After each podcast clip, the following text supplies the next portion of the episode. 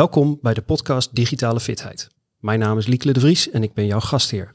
Bij mij zijn Maarten van den Berg, ambassadeur van digitalefitheid.nl en Femke Hammer, onze zeer gewaardeerde gast. Vind je deze aflevering van de podcast leuk? Like hem dan op zoveel manieren als je kunt bedenken, zodat nog meer mensen de podcast kunnen ontdekken. Maarten, even over jou. Jij was de gast in episode 6 van ons eerste seizoen van deze podcast. Ja, ja. Uh, ondertussen ben je een ambassadeur van digitale fitheid. Waarom ben je ambassadeur geworden? Um, vooral door mijn relatie met Martijn. Die besluit op een gegeven moment dat je dat bent. Um, en ik had er geen bezwaar tegen. Oké, okay, en wat ga je nu doen als ambassadeur? Of wat doe je ondertussen als ambassadeur? Uh, ja, spreading the gospel. Um, nee, waar, waar ik vooral um, ruimte zie voor mezelf is uh, wat invulling geven aan bepaalde programma-onderdelen. Um, en ik zoek meerdere mensen die bepaalde disciplines hebben die misschien minder vertegenwoordigd zijn bij de community. En zo gooi ik die allemaal in een pool en dan zijn Martijn en Mark daar om ze op te vangen. Oké, okay, um, heb je voor dit nieuwe kalenderjaar toevallig ook nog specifieke focus daarin gekozen? Ik heb helemaal geen nieuwjaarsresoluties gemaakt eigenlijk. Oké. Okay. Ja, het ging wel lekker vorig jaar. Laten we het gewoon nog een keer doen. Dat lijkt me een uitstekende manier om te doen. Um, welke pijler denk je dat het beste zou passen bij Femke? Ik denk dat het dan gaat om digitaal bewustzijn. Dat is pijler 2. En digitaal bewustzijn houdt in dat wij. Um, ik denk in dit geval dat het vooral gaat over uh, uh, het mensen niet bang hoeven te zijn voor wat digitaal nou precies inhoudt. Dus het is er over een drempeltje heen helpen. Zo, zo, ik, als ik het ervaar bij mensen dat er een soort van weerstand zit, dan ga je een beetje proberen te doorgronden waar dat aan ligt. Um, en vaak komt het erop neer dat ze, ja, alle nieuwe dingen, oh, is allemaal spannend en eng. Maar er zit een bepaalde onder, er zit iets onder wat, uh, ja, waar weerstand vandaan komt. En dat is vaak gewoon ja, mensen die hebben nooit de vrijheid gevoeld om ermee te experimenteren. Of um, denken vooral vaak, het is meestal niet eens zo, denken vooral vaak dat ze de vaardigheden niet hebben. En dus dan maar een barrière opgooien om iets meteen maar af te schieten voordat het überhaupt uh, echt op tafel is. We lijden het meest onder het vrezen van het lijden dat we vrezen. Hoe was het ook alweer? Sorry, ik verhaspel Men lijdt het meest onder het lijden dat men vreest. Dat is hem. Ja. Nou, Femke, dan gaan Daar we naar jou. Daar ben jij. Um, jij bent een van de uh, ontelbare hoeveelheden Femkes die bij de Alliantie Digitaal Samenleven werkt. Ja, is me opgevallen. Ja. Um, ik heb vastgesteld dat je je bezighoudt met mediawijsheid en dat je onderzoek uh, deed of gedaan hebt naar technostress bij jongeren. Ja. Ik ga een mooi haakje meteen naar zo'n drempel, als waar Maarten het over had. En ik las daarover dat technostress de stress is die veroorzaakt wordt door de overvloed aan digitale informatie en prikkels en het gevoel altijd bereikbaar te moeten zijn. Dat kan burn-out klachten veroorzaken en er is een werkgroep voor, technostress, bij jong werkenden, die daar onderzoek naar doet.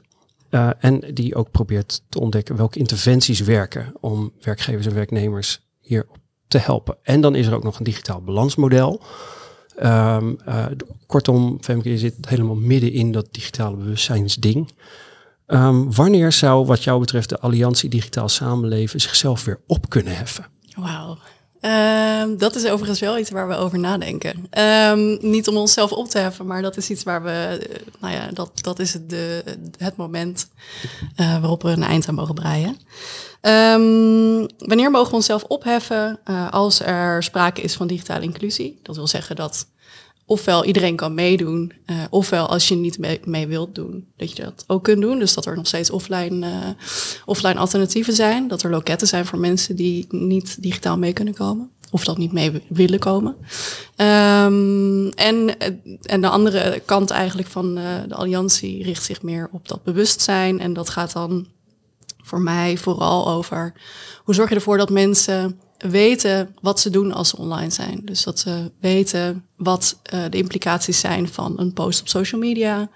Dat ze weten wat er gebeurt als je je gegevens op een, uh, een online formulier invult. Uh, omdat je bijvoorbeeld schoenen wilt bestellen bij een webshop. Um, dat je bewust keuzes kunt maken in de online wereld. Ja. ja. Dus als iedereen dat kan, dan zijn we klaar. Maar dan zijn we nog lang niet. Dus uh, nee. we hebben nog wel even te gaan. Ik, ik heb het afgelopen jaar veel vergelijkingen ook gemaakt zien worden met zoiets als het rijbewijs voor autorijden. Hè. Dat, mm -hmm. uh, Dan weet je in ieder geval ongeveer hoe het moet. Uh, maar daarna begin je natuurlijk op de weg pas echt je ervaring Ja. op te doen. Ehm, hoe, ehm, je hebt dat, eh, ik noemde net dat onderzoek naar jongwerkenden. Uh, hoe verhouden de generaties zich wat dat betreft volgens jou in, in hun digitale vaardigheid? -hmm. Ja, wat we. Um, eigenlijk zijn we begonnen ooit twee jaar geleden met uh, een aantal projecten die zich vooral richten op doelgroepen. Uh, gaandeweg kwamen we erachter dat dat eigenlijk niet houdbaar is, omdat het beperkt heel erg als je het hebt over een bepaald thema. Um, ik ben dus begonnen inderdaad het project uh, Technostress bij jongwerkenden. En, um, en dat was eigenlijk vooral omdat we toen dachten, uh, jongwerkenden zijn mensen die misschien enigszins kwetsbaar zijn, die net beginnen, die zich willen laten zien, zich willen laten gelden.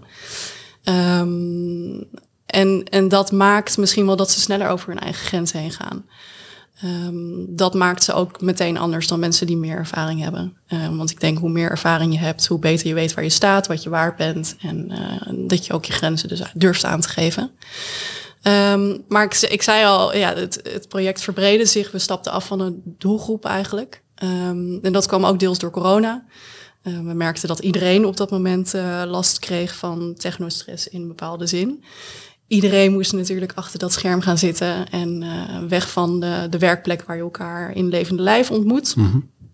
En dat maakte dat we eigenlijk zijn afgestapt van de, van de jongwerkenden en zeiden van nou, dit is een onderwerp dat iedereen aangaat. Um, dus ja, en, en het verschil zit hem dus vooral in uh, de, de onervarenheid en, uh, en het je willen laten zien en daarvoor daarom echt maar door uh, over grenzen heen gaan. Maar dat is meer een soort van sociale onervarenheid. Dus je hangt niet eens specifiek samen met digitale activiteiten. Nee, nee, nee, nee zeker niet. Gewoon een jong mens ja.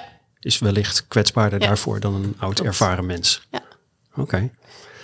Um, over, over mensen gesproken, hè? Ook digitaal fitte mensen zijn gewoon mensen. Uh, daarom heeft iedere gast, krijgt van mij tien vragen. Uh, waarop ik het, het, eerste en het kortste antwoord zou willen hebben, alsjeblieft. We hoeven het er verder niet over te hebben. De lijst is ooit een keer opgesteld door Bernard Pivot voor een uh, tv-programma destijds. Dan gaan we. Wat is je favoriete woord? Ik heb hierover nagedacht. En ik kwam op het woord kroephoek. Vraag me niet waarom. Dat gaan we ook niet doen. Wat is je minst favoriete woord? Uh, managementtaal is mijn minst favoriete soort woord. Uh, ja. Waarvan raak je opgewonden?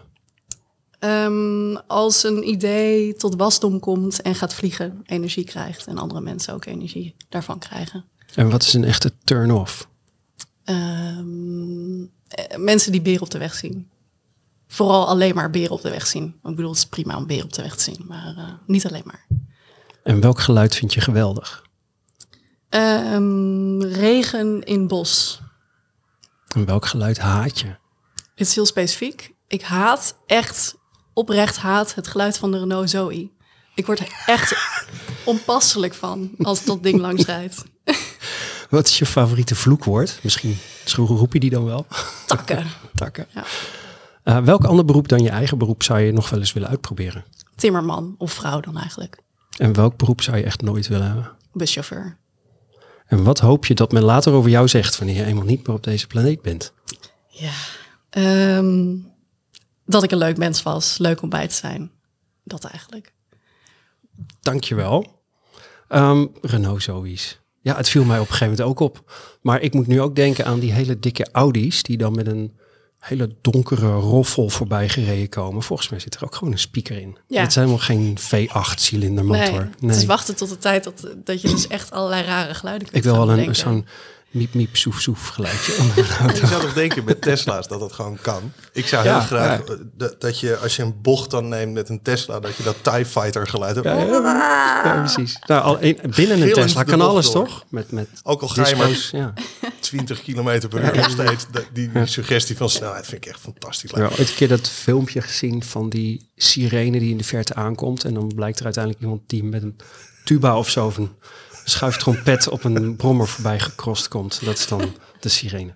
Oké, ehm, over geluiden. Ze horen er ook bij. We vergeten ze wel eens. Maar ehm, hè, de digitale wereld is heel plat op allerlei manieren.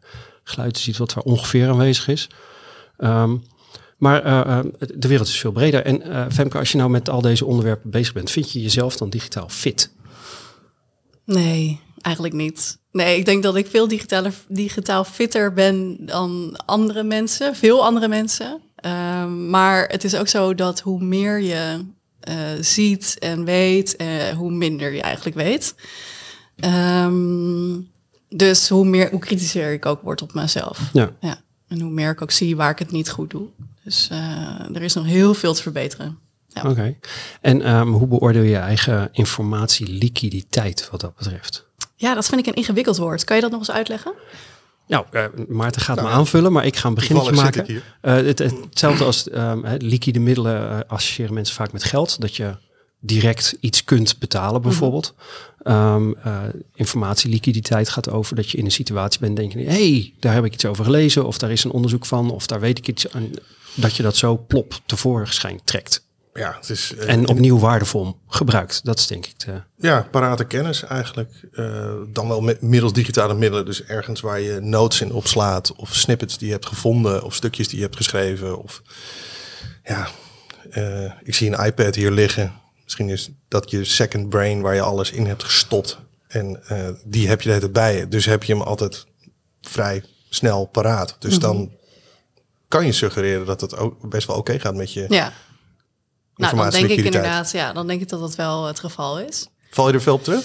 Op, op, Zeker. Dit soort dingen? Ja, ik vertrouw mezelf echt niet, uh, of mijn hersenen niet. Uh, ik denk dat ik altijd alles in lijstjes moet vastleggen. Uh, tot echt ergernis van heel veel mensen. Ik heb constant wekkers aanstaan in mijn telefoon. Omdat ik bang ben dat ik het anders vergeet. En kun je dingen um, dan ook weer snel terugvinden als je zoveel ja, ja, schrijft? dat okay. wel. Ik ben wel heel planmatig en uh, um, ja, dat, dat, dat heb ik allemaal goed geregeld. Ja. En kun je een beetje vertellen wat jouw setup dan is? Want dat is een van de dingen waar we altijd heel nieuwsgierig naar zijn. nou, ik zit hier inderdaad met een tablet voor mijn neus. Die gebruik ik sinds kort om uh, notities in te maken. Dus van gesprekken of lijstjes in te maken als het gaat om to-do's. Um, daarvoor deed ik dat in een schriftje. En daarvoor weer deed ik dat uh, op mijn computer in uh, Trello of wat dan ook. Ik voor, ja, het, op een of andere manier uh, switcht dat nogal vaak. Um, maar nu doe ik het hierin. En het is eigenlijk wel lekker, omdat je dan ook dat weer kan wissen. Dus mm -hmm. dat probeer ik ook veel te doen, zodat ik niet omkom in de lijstjes, maar het één lijstje blijft. Is dat switchen iets wat je heel bewust doet? Of is dat gewoon gaandeweg iets dat je denkt, oh, ik ga dit eens proberen. En dan ineens blijf je er een beetje in hangen? Ja, goede vraag. Um, nee, wel bewust. In ieder geval de, laatste switch die ik maakte naar die tablet, uh, wel bewust. Uh, een collega van mij deed het al zo. En ik vind het altijd heel...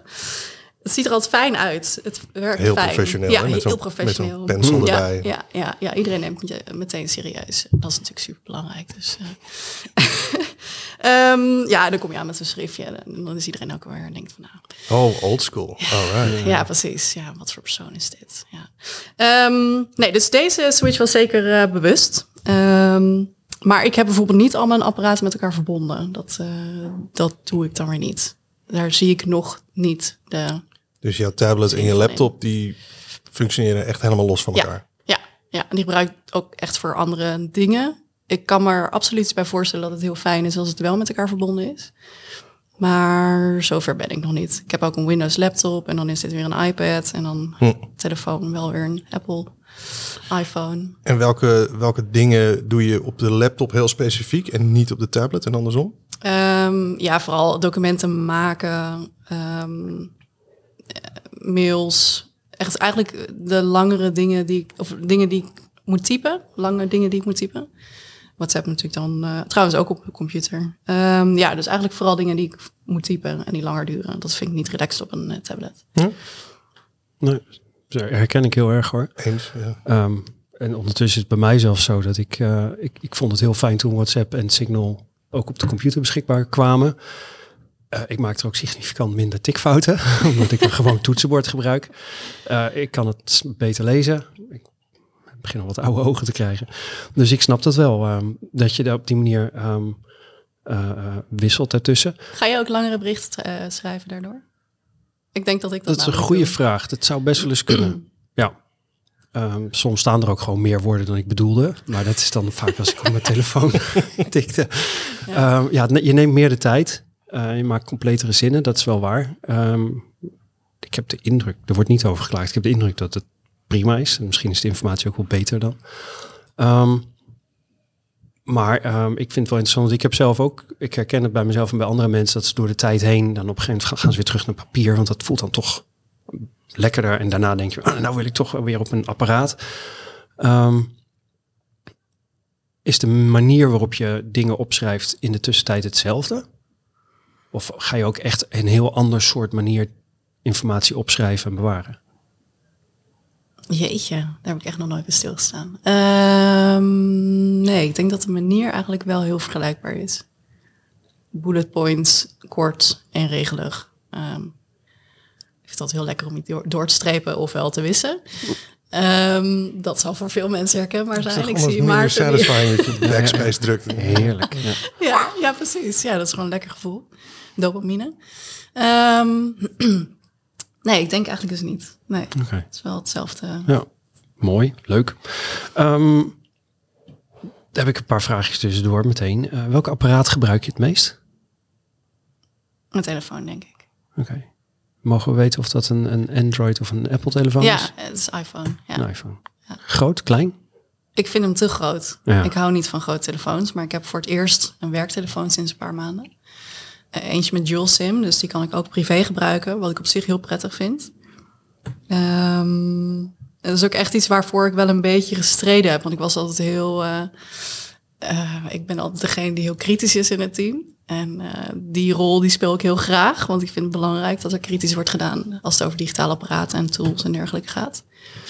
Ehm, omdat het vaak, wat mij betreft, eh, te klakkeloos wordt aangenomen. En gezegd van nou, we gaan niet meer werken. Want eh Pietje vertelt dat het heel, eh, heel handig is. En dat wil niet zeggen dat iedereen er dan ook baat bij heeft. Maar goed, ik had ervoor gestreden, gestreden dat, dat bijvoorbeeld een WhatsApp-groep ehm, opgegeven werd. Want ik vind het eigenlijk gewoon niet oké dat WhatsApp voor werk gebruikt wordt.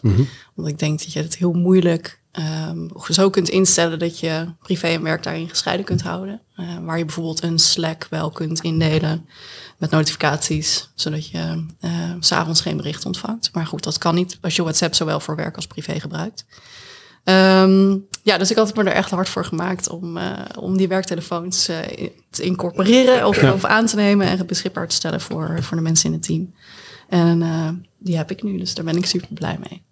Eh, heb je in die overweging ook nog ehm, argumenten eh, besproken met elkaar over willen we wel of niet in het ecosysteem van Apple of van Google zitten? Ja, daar vraag je me wat. Ja, misschien kwam het niet ter sprake, dan kun je snel nee zeggen. Maar Nee, we mochten kiezen tussen een iPhone en een Android-telefoon. En ehm, omdat ik gewend ben om met de iPhone te werken, heb ik voor die gekozen. Ehm, ik vind het trouwens, eh, er is één heel groot mankement, vind ik, aan een iPhone. Dat is dat je er geen radioverbinding mee kunt maken, behalve via internet. En ik hou heel erg van radio luisteren. Dus dat vind ik irritant als dat heel veel data kost, want die heb ik niet onbeperkt. Ehm, maar goed, dat terzijde. dat zou voor mij een reden zijn geweest om voor Android-telefoon te, kiezen. Maar ik heb het uiteindelijk toch niet gedaan. Ehm, ik weet niet meer wat je vraag was. nou, je zit dan oh ja, iPhone in het eh, Apple-ecosysteem, Ja. maar jouw collega's hebben misschien een Android-telefoon ges- gekozen. Ja, ja. Dus dat is Ja. bij jullie gewoon allemaal mogelijk. Klopt. En ehm, ik ben in dienst bij Beeld en Geluid, eh werkende dus bij het programma Alliantie Digitaal Samenleven. Dat is daar ja, onderdeel van. Je zou kunnen zeggen, eh, Beeld en Geluid is de penvoerder van het programma. Ehm, eh, en Beeld en Geluid werkt met eh, Windows laptops, voor zover ik weet. Ik heb nog nooit iemand met een werklaptop gezien die Apple of van Apple is. En werkt met Google. En daar vind ik wel wat van. Mm. Dat snap ik. Ja. Helaas hebben we nog steeds niet zoveel hele goede Europese alternatieven. Wordt er dan heel vaak achteraan gezegd. Nee, nee, Ja, klopt. En dan, ingewikkeld. en dan Google gebruiken jullie eh, in plaats van Office? Ja, De, de Google. Ja. Suite, Ja, zeg maar. Alles, ja, alles van Google.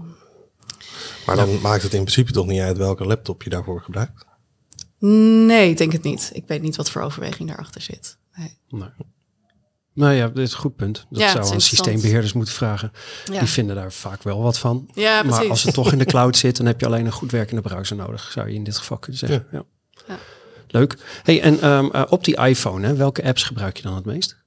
Eh, WhatsApp denk ik is allermeest. Toch wel? Ja, toch wel. Maar dan privé. Eh, nee, ja, WhatsApp voor Business gebruik ik dan Oh, nu eh, voor werk. Dus, eh, dus die staat er ook op. En daarnaast lees ik uh, nieuws-apps eigenlijk vooral. Is er het afgelopen jaar een app bijgekomen uh, die je eigenlijk nooit meer zou willen missen? Nou ja, WhatsApp for Business denk ik dan. Ja, ja, ja. dat kan niet anders, anders kun je geld niet Oké. Okay. Hey, um, die alliantie digitaal samenleven. Mm -hmm. Waar, um, je, je zei net, hè, we kunnen onszelf opheffen wanneer de digitale inclusie bereikt is. Ja. Uh, wanneer mensen mee kunnen doen en de mensen die dat niet willen of kunnen, nog steeds er ook bij horen en toegang hebben tot alles. Ja. Uh, hoe groot is dat dan, waar we het dan over hebben? Wat moet er dan allemaal kunnen? Jeetje, ja, dat is echt een hele grote vraag. Alles van de samenleving?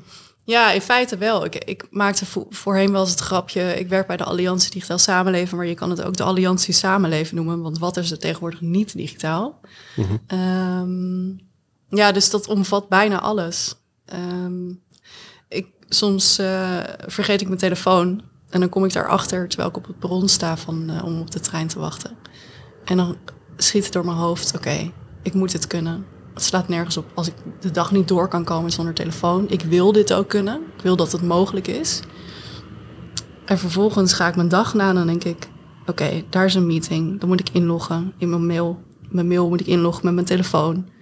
Um, dan ga, komen alles, komt alles voorbij in mijn dag. En dan denk ik, ja, er gaat gewoon geen uur voorbij... Voor terwijl ik nee. dat ding nodig uh, heb. En dat vind ik... Um, ja, dat vind ik echt eigenlijk wel heel treurig. Dat, dat, dus niet, dat je gewoon niet meer zonder kunt. Ja, gewoon geen moment van de dag. Is dat dan om, uh, omdat er geen andere manier is om bijvoorbeeld in te loggen bij zo'n meeting? Je ja, moet, vaak wel. Dat is op een de, jouw telefoon is gewoon jouw sleutel voor je mail. Ja. En als je die niet bij je hebt, dan kun je dus niet bij je mail. Nee, klopt. Als je bedenkt dat tegenwoordig toch vaak wordt gehamerd op die tweestapsverificatie, mm -hmm. die dan alleen maar mogelijk is met een telefoon. Mm -hmm.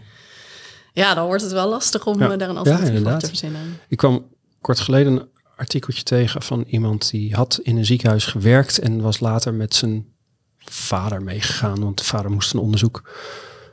En die uh, um, was heel erg geschrokken, want alles was digitaal ondertussen. Bij binnenkomst waren de digitale panelen, net zoals je bij de McDonald's iets via een paneel moet ja. bestellen, moet je daar dan ook zeggen van nou, daar moet ik zijn.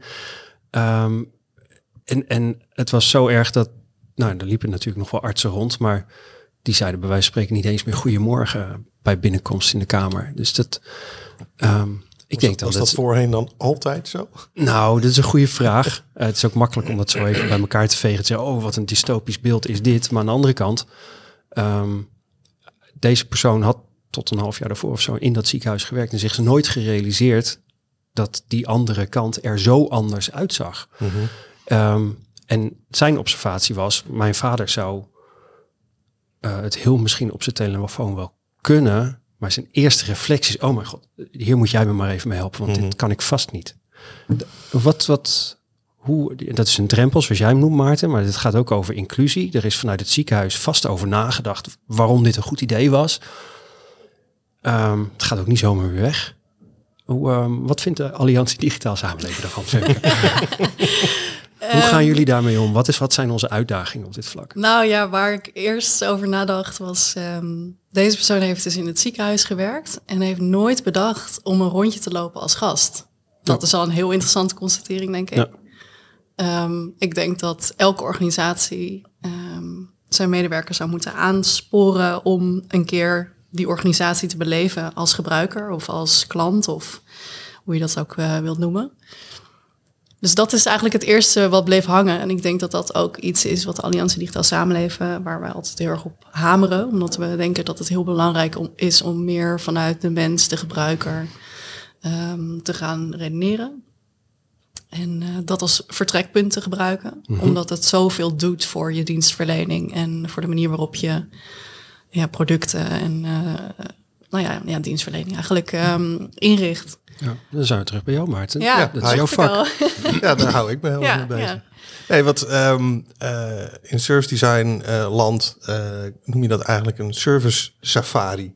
Kun je dan nemen door gewoon. Net zoals een customer journey. Ja, dat, dat is, is vaak eigenlijk. Ver, een customer journey is hoe je hem hebt uitgemapt, zeg maar. En dan eigenlijk de safari doe je om te klopt dit eigenlijk wel. Precies.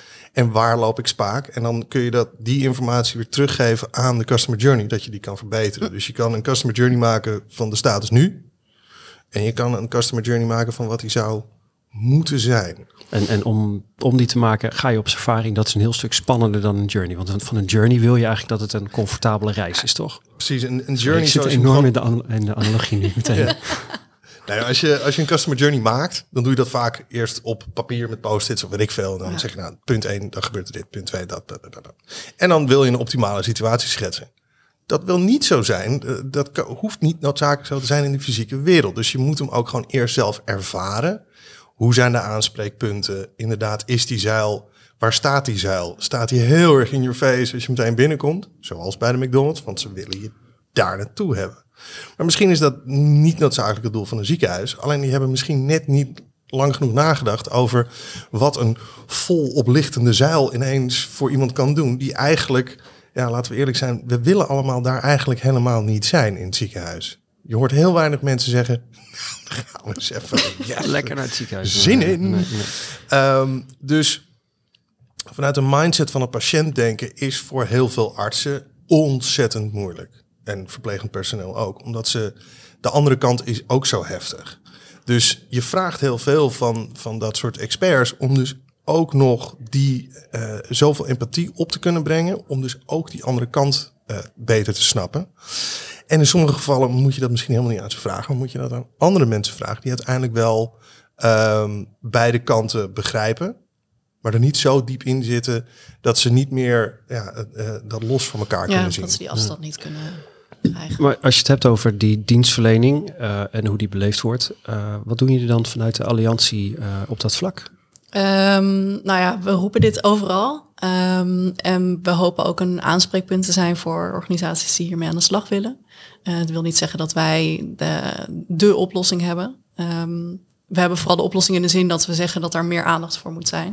En er zijn genoeg mensen, zoals jij, Maarten, ehm, die hier heel veel verstand van hebben en die, die, daarbij kunnen helpen. En wij zijn eigenlijk vooral meer de advocaat van, eh, de ambassadeur van het gedachtegoed dat er meer vanuit mensen moet worden gekeken naar dit soort processen. Dus jullie hebben een adviserende rol en, en, en in die zin eh, organiseren jullie dagen, momenten, workshops, dingen om, Klopt. om het bewustzijn te verhogen. Ja. Maar uiteindelijk het dienstverlening verbeteren, daarvan zeggen jullie dan moet je Ja, dat is niet, eh, niet aan ons. Nee, we willen vooral eh, organisatie met elkaar matchen. Dus in die zin zijn we misschien ook al bijna een soort van makelaarachtige organisatie, eh, een netwerkorganisatie. Ehm, ja. Met wat voor vraagstukken komen bedrijven bij jullie aan? Nou ja, dit soort dingen dus bijvoorbeeld. Hoe zorgen we ervoor? We willen zo graag, we willen graag onze dienstverlening verbeteren, meer bij de mens brengen. We willen een loket behouden. Hoe doen we dat op een goede manier? Ehm, ja, dus dat soort vraagstukken komen bij ons terecht. En dan daarin adviseren jullie zover je kan. En Ja. als het dan heel praktisch moet worden, dan ja, doe- doe je de doorverwijzing. Ja, precies. Of eh, we hebben goede voorbeelden waarmee we kunnen schermen. Niet wij zelf, maar meer gewoon eh Mhm. Ja, partijen waarmee we samenwerken. En het het stukje wat ik over jouw onderzoek las, hè, dus het werd ook geschreven dat jullie op zoek gingen naar interventies die je aan werkgevers, werknemers kon geven. Ja. Ehm, d- d- hebben jullie die inderdaad op de plank liggen? Of, of heb je die meer in de vorm van casussen ter Ehm, inspiratie? Ja, vaak zijn het casussen. Eh merkt ook dat, dat tools vaak eh, veranderen gaandeweg de tijd. Ehm, dus dat blijft niet altijd up-to-date. Nee, dus, en, we willen daar ook echt geen eigenaar van zijn. Het is niet iets waar we... Nou ja, dat is gewoon niet van ons. Wij willen vooral degene zijn die je erop kan wijzen. Ehm, en we willen zelf wel up-to-date blijven in de zin dat we weten wat het huidige aanbod is. Maar dat is niet, eh, we zijn er geen eigenaar van. Nee. Ja. Ehm, dan gaat het eh, voor een deel dus over eh, dat bijvoorbeeld een arts ook eens een keer als patiënt door zijn eigen ziekenhuis gaat of door haar eigen ziekenhuis. Eh, dan wil je uit, eigenlijk dat, dat het gedrag dus verandert van die persoon. Dat hij een volgende keer zich niet meer zo gedraagt zoals vroeger. Ja. Ehm, maar ja, als je in een organisatie werkt, een organisatie, dat is natuurlijk een soort van geformaliseerde gedragspatronenomgeving. Dat is heel moeilijk. Dat levert allerlei wrijving op. Dat is onwijs moeilijk. Ik denk dat ge- gedragsverandering is misschien wel het meest ingewikkelde ding waar wij sorry, als eh alliantie tegenaan lopen. Of het nou gaat om eh, iemand digitale basisvaardigheden aan te willen leren, laten leren. En daar de motivatie eh, voor moeten laten opbrengen. Waar zit die motivatie dan? Ehm, als je die helemaal gevonden hebt, dan is het dan, dan is het zo moeilijk om uiteindelijk dat gedrag ook echt uh, te gaan veranderen. En jezelf in te zetten um, om daarmee iets te doen. Mhm. Dat gaat ook over digitale veiligheid. Ik, ik weet precies wat ik moet doen. En toch doe ik het niet. Nee. Ik weet dat het belangrijk is. Ik weet dat ik daardoor misschien minder risico loop om gehackt te worden of om mijn gegevens ergens kwijt te raken in een uh, datalek. En toch gedraag ik me er niet, aan, niet naar, terwijl ik er dagelijks mee bezig ben. Um, als het over digitale balans gaat en uh, um, de balans tussen offline zijn en online zijn en schermgebruik, dan betrap ik mezelf er nog steeds elke dag op dat ik enorm veel tijd achter een scherm uh, Ja. zit en niet af en toe even opsta om mijn benen te strekken, om oefeningen te doen, om een wandelingetje buiten te maken. Die gedragsverandering is echt misschien wel het allerbelangrijkste en het moeilijkste, denk ik ook, uh, in het hele.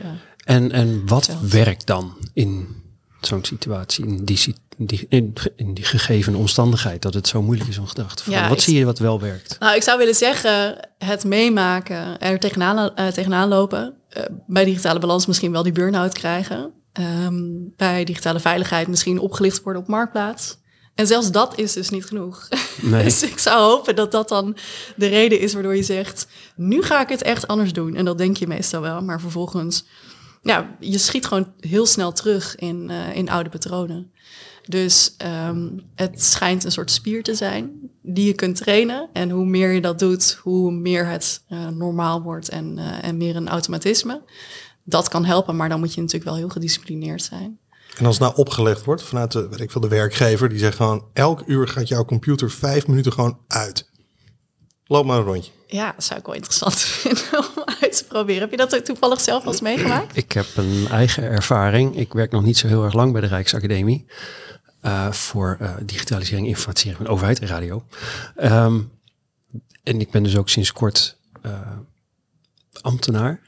Eh, ik kreeg, bijna ik niet durf te niet zeggen, nee, natuurlijk, niks mis mee. Prachtig. Eh, vind ik nu natuurlijk. Eh, maar ik kreeg dus een, een, eh, een laptop eh, en een iPhone en een iPad. Ik heb heel veel devices, maar die laptop, daar, nou, dat is een Windows machine met Citrix erop. En toen ik die voor het eerst aanzette, toen had ik elke paar minuten micro breaks en onder zoveel tijd een langere break. En dan wilde die computer inderdaad niet dat ik iets daarop ging doen.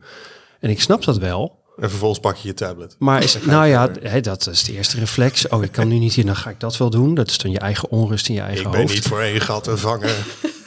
Wat me vooral eh, d- aan dwars zat, was dat het niet mijn ritme was. Ja. Dus ik snap het wel, maar ik, ik, en toen heb ik gekeken, kan ik dat aanpassen? Nou, dat zat er niet in, dus toen heb ik hem uitgezet. Dat gelukkig staat de werkgever dat ook toe. En dat lijkt me verstandig dat hij dat toestaat. Maar dan krijg je het vervolgende, dat je inderdaad jezelf op een gegeven moment realiseert, verdorie, dan zit ik alweer langer dan een uur naar dat scherm te kijken en, en van de hak op de tak te springen. Want het is ook nog heel moeilijk voor mij om, om focus te houden in één ding. Ehm, terwijl ik mezelf waarschijnlijk heel erg geholpen had door na een half uur gewoon dan maar eventjes eh, een rondje te gaan wandelen over de ultra saaie verdieping van het ministerie. Nodigt ook niet echt uit natuurlijk. Nee, nee. Eh, maar goed, als ik thuis werk, dan heb ik eh, een, een tuin en een, een dorp om in te wandelen. Maar dan doe ik het ook niet. Dus, dus het is dit, die Ja. spier. Ja. Ehm, hoe, eh, eh, hoe krijg je die spier eh, in ontwikkeling? Ik blijf zo lang stil omdat ik het... Ik weet het oprecht niet. Het is gewoon elke het nog keer... niet ontdekt. Nee, ik denk dat het elke keer proberen is wat voor jou werkt. Er Ja. is niet één oplossing. Er is niet een oplossing die voor iedereen werkt. Eh, je moet je eigen oplossing vinden, denk ik. En Ja. dat kun je alleen maar doen door uit te proberen. Ja, zolang er geen intrinsieke motivatie is, blijft het natuurlijk heel erg zoeken. Ik bedoel, je kan Ja. mensen doodgooien met genoeg feiten over schermtijd en zitten is het niet meer roken en bla bla bla. Ja. bla. Ja. maakt Dat doen ene- je, je apparaten doen het ook steeds enthousiaster, hè?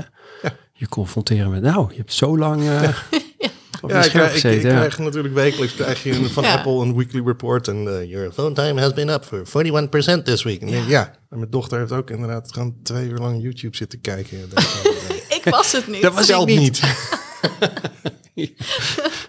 Dat is wat je doet dus. Dat je gewoon... Oh, mezelf Het totaal voor gek absoluut, ja, ja, ja. absoluut.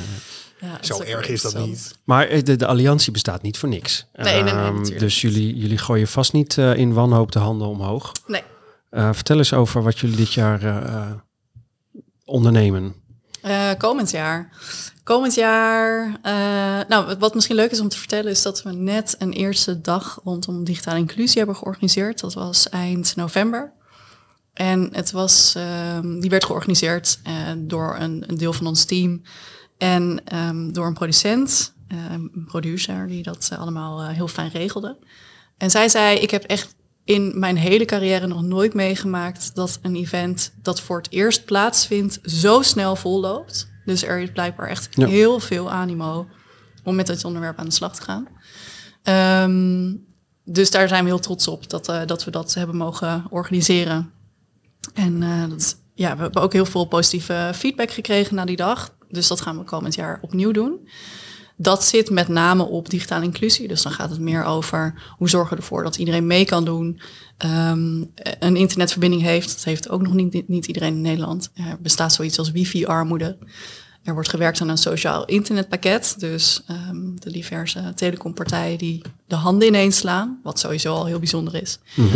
Um, om samen te werken aan uh, een internetpakket dat voor iedereen wel betaalbaar is. Um, ook voor minima. Dat is een heel mooi, uh, mooi doel. Um, we willen op dat, die pijler, dus digitale inclusie, uh, er ook voor zorgen dat mensen toegang hebben tot een apparaat. Wij zitten hier met heel veel apparaten aan tafel, mm, ja. maar dat geldt ook niet voor iedereen in nee. Nederland. Um, in de coronatijd was het zo dat hele gezinnen met één laptop moesten doen, werken, school en dan met meerdere mensen. Dat werkt niet natuurlijk. Nee. Um, dus uh, internet, een device, maar ook weten wat je doet. Dus uh, de juiste vaardigheden aanleren. Echt basisvaardigheden zit, uh, zit dat dan op. En ook de hulp krijgen die je nodig hebt op het moment dat je er niet uitkomt. dus daarvoor hebben we bijvoorbeeld de Digi-hulplijn in het leven geroepen. die kun je bellen als je het even niet meer weet. En dat zijn niet alleen maar mensen die, um, die zeg maar echt aan de basis staan. Maar dat uh, mogen ook mensen zijn die er al best wel goed uitkomen, maar misschien in dit kleine stukje even niet. Je bedoelt degene die die, die hulplijn bellen? Ja, Iedereen mag bellen? Ja, ja absoluut. Dus die hopen we ook nog te vergroten. En het bereik daarvan ook en de bekendheid ervan. Wat voor soort mensen zitten er dan aan de telefoon bij de digihulplijn? Dat zijn mensen van een, een um, uh, van contactcare, als ik het goed heb. Het is niet mijn pijler, dus uh, vergeef me als ik het niet goed zeg. Tegen mijn collega's zeg ik het vooral. Um, en de mensen van Senior Web ook, want die hebben heel veel ja. ervaring met, uh, met dit soort vragen. Um, daarbij wil ik wel zeggen dat er wordt vaak gedacht aan oudere mensen die niet zo digitaal mm -hmm. vaardig zijn, maar er zijn echt genoeg andere mensen van allerlei leeftijden die er ook niet uitkomen. En er zijn heel veel aannames die worden gedaan, ook als het gaat over jongeren, want ook jongeren komen er niet altijd uit en weten niet altijd uh, hoe de dingen werken. Die kunnen bijvoorbeeld heel lekker met WhatsApp omgaan en social media. Ik heb daar toevallig een heel artikel over gelezen dat zeg maar Gen Z uh, eigenlijk digitaal niet heel erg vaardig is. Nee. Omdat de aanname er inderdaad is dat ze dat allemaal snappen, ja. krijgen ze er geen les in bijvoorbeeld. Nee, precies. Nee. Dat is sowieso een beetje, denk ik, een les krijgen in nou, ja. veel, uh, een Google Suite of ja. Je hoeft niet daar Geen een Google. Sorry. Of, of, of, Keynote, of Apple. Of... Nou, überhaupt in de basisbeginselen. We leren ze wel rekenen en schrijven. Ja. En ze hoeven heus niet te leren programmeren. Maar het zou fijn zijn als ze wat meer conceptueel ja. snappen van hoe een, een, een bitje oh, zit op je scherm komt. En, en hoe dat dan in een cloud hangt of in een bestand of wat dan niet. En dat hoeft, dat hoeft helemaal geen jaarprogramma te zijn. Maar weet ik veel... Uh, ik heb, uh, ik heb in Amerika op school gezeten en toen heb ik uh, zes weken business gehad. Dus ik denk, oh tof. Dat was gewoon een typecursus. Ja. ja. Maar dat was wel met gewoon echt computer, gewoon gaan zitten. A4'tje over je handen. En dan op je scherm. En ik moet zeggen, ik heb daar nog steeds profijt van. Ja. Ik was Blind leren typen. Ja. ja. En af en toe moet ik, oh ja, en dan, en dan is het er weer. Ja. Um, maar ik ben dus eigenlijk op uh, redelijk jonge leeftijd met computers in aanraking gekomen. Toen die er nog eigenlijk niet zo heel veel waren. Mm -hmm. Maar dan groei je er dus rustig aan een beetje in. Terwijl die ja. kids nu, die krijgen meteen, boom, de hele stortvloed over ja. zich heen. En ja, ik heb gewoon rustig aan, ik had, ik had de luxe van uh, allerlei mogelijkheden. En ik kon aanpakken waar mijn interesses naartoe gingen. En nou, dat, dan pak je een keer een computer. Dan op een gegeven moment heb je ja. zo lang gezeurd dat je ouders ook eindelijk een keer een pc voor je kopen in 1995. En zo groei je er rustig aan in. Ja. Dus ook je bewustzijn van wat tools kunnen, ehm, hoe ze tot stand zijn En je gekomen. weet, je hebt een tijd meegemaakt waarin het er niet was. Dus je Precies, weet ook ja. nog hoe dat was. Die je hebt de- vergelijking kun je maken. Je hebt Ja. de frictie meegemaakt van is het nou handiger om het zo te doen Ja. of Ja. niet? Of eh, hoezo doen die mensen dat op die manier? en dit Dat leek het te worden zo. en dat hebben we gewoon en masse laten vallen. Dus En zijn we dan- je er niet in vast. Zijn we dan terug bij wat je aan het begin zei, Femke, dat, dat eh, jongere mensen vaak ook wat, wat onzekerder, wat, wat nog ehm, eh, kwetsbaarder zijn dan oudere mensen? Is dat, een, is dat hier een aspect van? Ehm, nou, bij digitale balans gaat het dan vaak over jonge mensen die beginnen met werken. Dus dan kom je in een nieuwe situatie terecht waar je gewoon geen idee hebt hoe de sociale regels zijn. En dit gaat denk ik meer over kwetsbaarheid in het, ja, nee, het is denk ik toch een andere manier van kwetsbaarheid die ook bij oudere mensen zit. Ik weet niet zo goed waar die dan precies in zit, maar ehm, nee, Nou, het is wel anders. De analogie is denk ik ook dat, ehm, ik weet niet wat voor een telefoon jouw gezin thuis had, Maarten, toen je opgroeide, maar Ik begon met de draaischijf. ja, het Iedereen met een nul in zijn nummer, die vond ik een- irritant. een hoorn met een krulsnoer eraan. Zeker. Ehm, maar er waren voor die tijd ook eh, ehm, generaties voor jou waar eh, alleen de dokter een telefoon had. Eh, en ondertussen denken kinderen als ze een grijze T65 telefoon zitten, zien staan niet meer aan een telefoon. Want dat, tenzij ze hem herkennen als icoontje, zeg maar. Ja, Ja, ja. ja, hey, wat leuk, een 3D geprint icoontje. Ja, ja, precies. Dus dit is altijd aan de hand. Ja. Ehm, wij praten nu over dit ding vanuit ons leeftijdsperspectief. En over tien jaar hebben andere mensen vergelijkbare ervaring mee gehad. Ze zijn gewoon later gestart. Ja. Ehm, dat hoort er dus eigenlijk altijd bij. Is, is dat dan iets wat je ehm, ook als samenleving eh, handiger kunt omarmen? Nou, ik denk dat het sowieso heel goed is om stil te staan bij ehm, de tools die je kiest. Als ouder in eerste instantie en uiteraard uiteindelijk ook als, eh, als je wat ouder wordt als kind. Dat je beter leert van oké, ik dat je een bewuste keuze maakt om voor een bepaalde tool te gaan. Ehm, dat geldt voor social media, dat geldt voor nou, eigenlijk alles wat je, wat je gebruikt op je telefoon of op je computer of op je tablet. Ehm, als we daar beter bij stil kunnen staan en beter kunnen bepalen waarom we ergens voor kiezen, dan kun je dus ook de gevolgen daarvan accepteren. En als de gevolgen zo zijn dat je ze niet wilt accepteren, dan kun je be- bepalen van nou, dan stop ik met deze app of deze social medium, dit social medium. Ja. Ehm, dus het gaat echt over bewust zijn en bewust keuzes maken en je niet laten mee- meenemen in de flow van oh, dit is normaal, want alle klasgenoten gebruiken dit. ja. Het zou heel fijn zijn als daar wat meer bij stilgestaan kan worden. Wat maakte dat jullie eh, eh, WhatsApp Business eh, kozen en niet Signal of een andere Ja, goede vraag. niet-meta tool? Eh, ik denk onvoldoende bewustzijn. Dat vooral. Ehm, en persoonlijk gebruik ik nog geen Signal, omdat, eh, omdat veel mensen het, het nog niet gebruiken. Dus ik zit echt met smart te wachten op de wet die ervoor gaat zorgen dat ze met elkaar gaan praten, WhatsApp en Signal, en eh, wat er dan allemaal nog niet meer bij komt. Ehm, dat eigenlijk vooral. Ja. Ja. Ja, het, is- het is ook een kwestie van choose your battles. Ja. Je kunt niet overal maar de fundamentalistische Nee, daar word je geen leuke mens van meestal. blijven zijn. En dan, en dan ben je in je eentje in zo'n nieuwe tool en is iedereen anders nog in die oude. ja, mij die heeft hier dus inderdaad die, die, nou, heeft, heeft die route gekozen. En die heeft dus inderdaad WhatsApp er echt helemaal uitgegooid. Ja. En Principieel het is vreselijk wat ze doen. En bla bla bla. En toen zat hij op Signal. Ja, daar was het wel heel rustig hoor. Ja. wordt je zijn ja, stem weggehaald. Ik heb mijn eigen familie op Signal gekregen en mijn schoonfamilie niet. Eh, Is dat eh, heel erg? En mijn collega's die, eh, die gebruiken Signal eh, eh, omdat dat in ieder geval binnen het ministerie ook wel wat extra aandacht krijgt. Ja. Maar er zijn andere collega's die zitten ook gewoon nog steeds op WhatsApp. En ehm, als je dan maar houdt aan wat de algemene richtlijn daar is, dat je die alleen maar gebruikt voor de korte informele berichtjes en niet voor inhoudelijke eh, teksten en dat soort zaken en beslissingen, dan nou, is er mee te leven. En dan Lijkt kun je niet tijd aan iets anders besteden. Ik heb sowieso, als ik drie keer eh, met je heen en weer heb gepingpongd en we zijn nog lang niet klaar, dan ga ik je gewoon bellen. Ja. Want ik word op een gegeven moment een beetje simpel Ja. van ook. Ja. Dan heb je er altijd iemand tussen zitten die achter Ja. zijn laptop zit en dan gewoon zo'n keurig epistel jouw kant op stuurt en jij staat op een bron en Ja, Ja. echt man.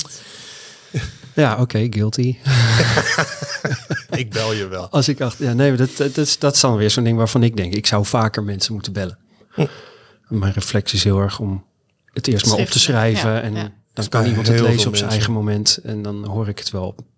eh, wanneer het, nou, tenzij het heel dringend is. Maar Ja, in sommige gevallen is, is dat asynchrone is prima. ja, Eh, maar ja, als je toch alle twee bezig bent in datzelfde berichtenlijntje, ja, dan kun je niet. Ja, ja. Ja.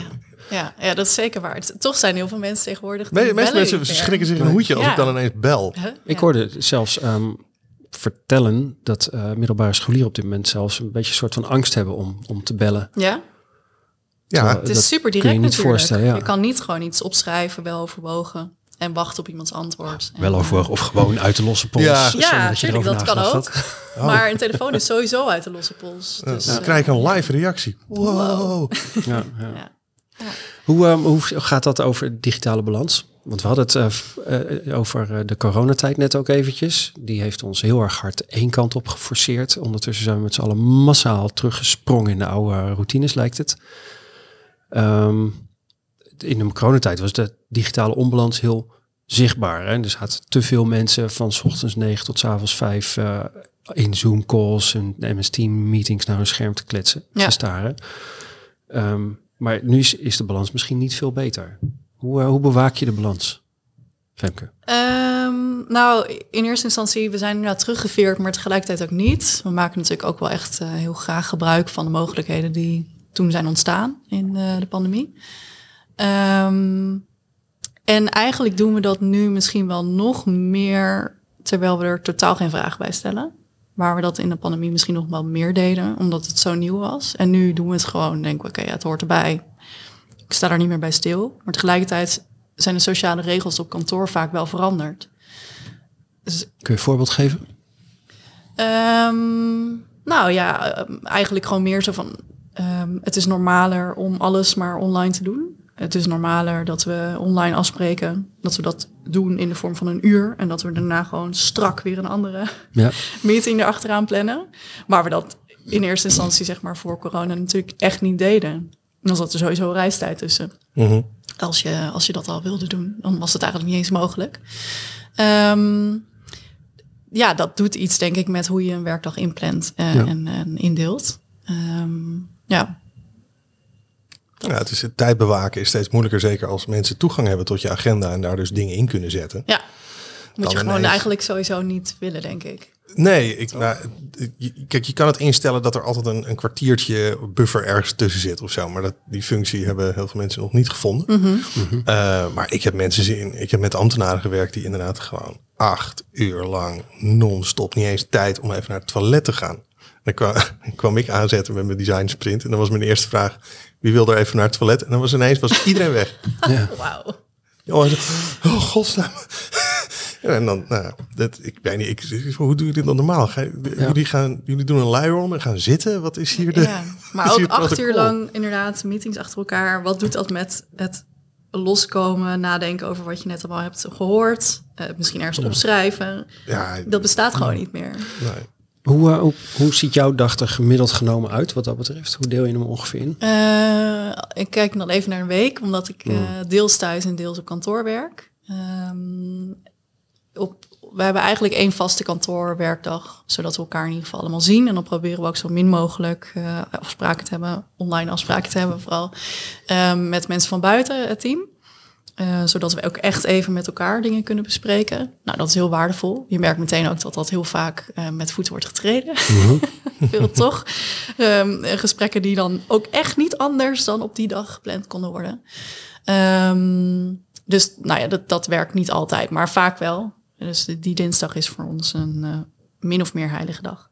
Ehm, en dan eigenlijk de rest van de dagen eh, ga ik zitten. Ik vind het super fijn soms om vanuit mijn bed meteen zo aan mijn bureau te gaan zitten, nog in pyjama en dan gewoon alvast te beginnen. Dat geeft, vind ik een heel relaxte manier om op te starten.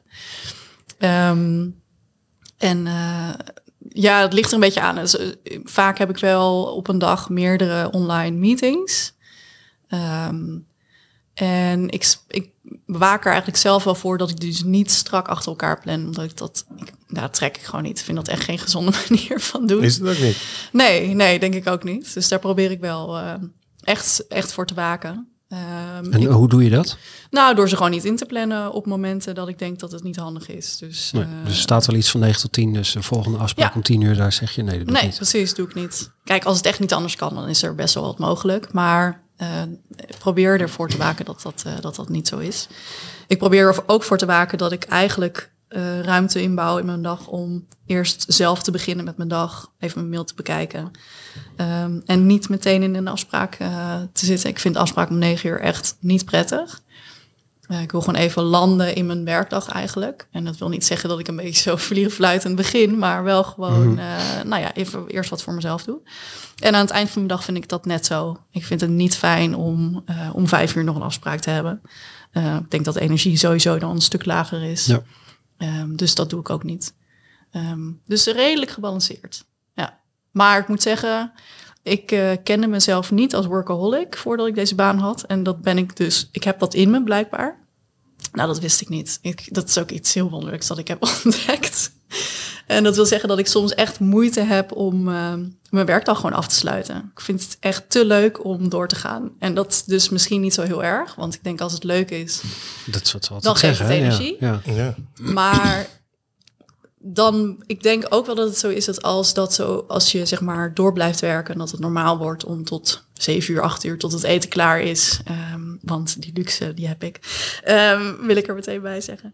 Ehm, eh, om door te werken, dat het misschien ook wel een soort normaal iets wordt. Dus ook als het Mhm. geen energie geeft op dagen, dat je dan toch door blijft gaan. ja, ja, precies. Dus dat Ja, weer de automatisme. En hoe zou je Dat je routine wordt. Ja. Ja. hoe zou je dat bewaken? Ehm, een vriend die af en toe zegt, nu moet je echt stoppen.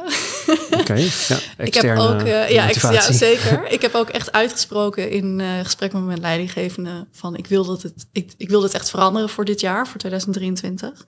Eh, dus het uitspreken, daarin Ja. hoop ik ook dat het helpt om gecorrigeerd te worden, wederom voor, van buitenaf. Ehm, we hebben een team met mensen die echt mega gemotiveerd zijn. En daarin kunnen elkaar ook een beetje opjutten.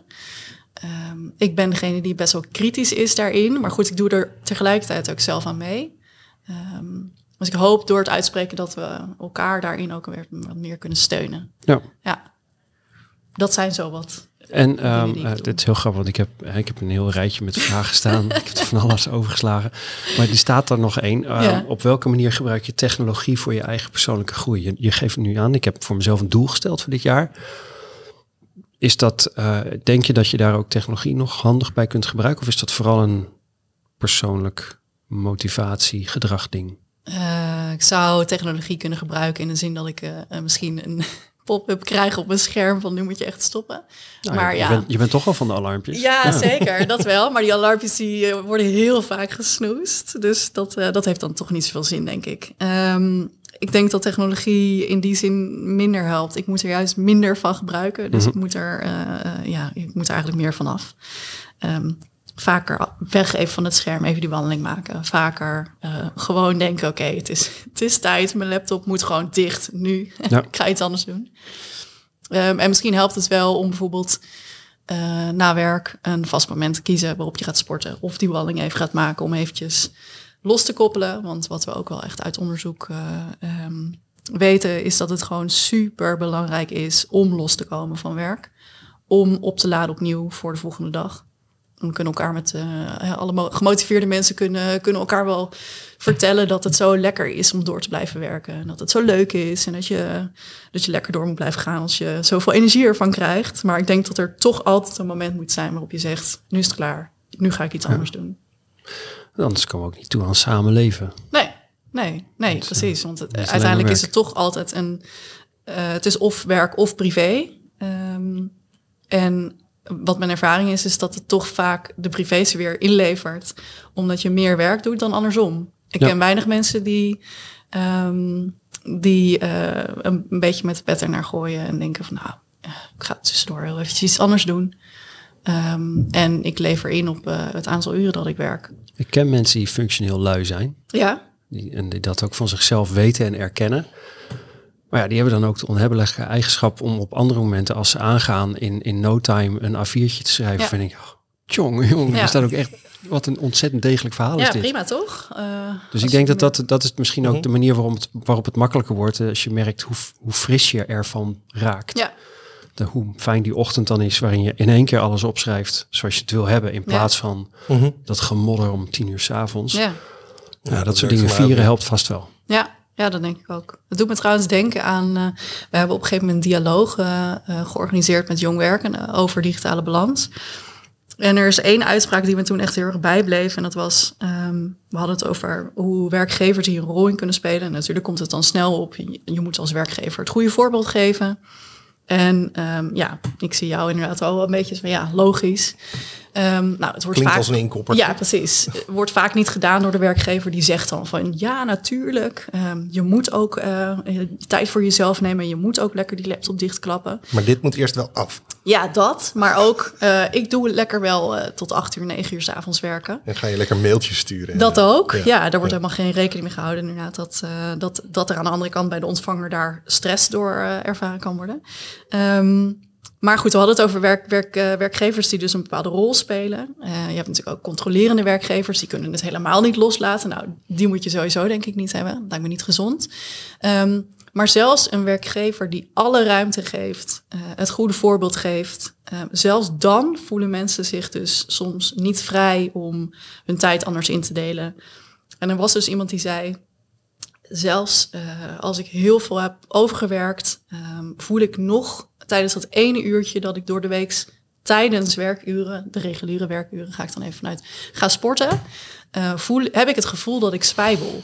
Nou, dat is zoiets bizars en eigenlijk treurigs. Mhm. Want waarom, zou je, waarom voel je dat zo? Ja. Dat heeft alles te maken met hoe we dat dus niet, denk ik, als werkgever in dat kleine micro. ehm, eh, hoe zeg je dat? eh, die plek, zeg maar, eh, regelen. En Het heeft te maken met hoe wij als maatschappij, denk ik, kijken naar hoe er gewerkt wordt. En dat het normaal wordt gevonden om altijd meer te werken, of 100% of meer, maar nooit 80 of 90%. Als het misschien wel beter werkt voor jou.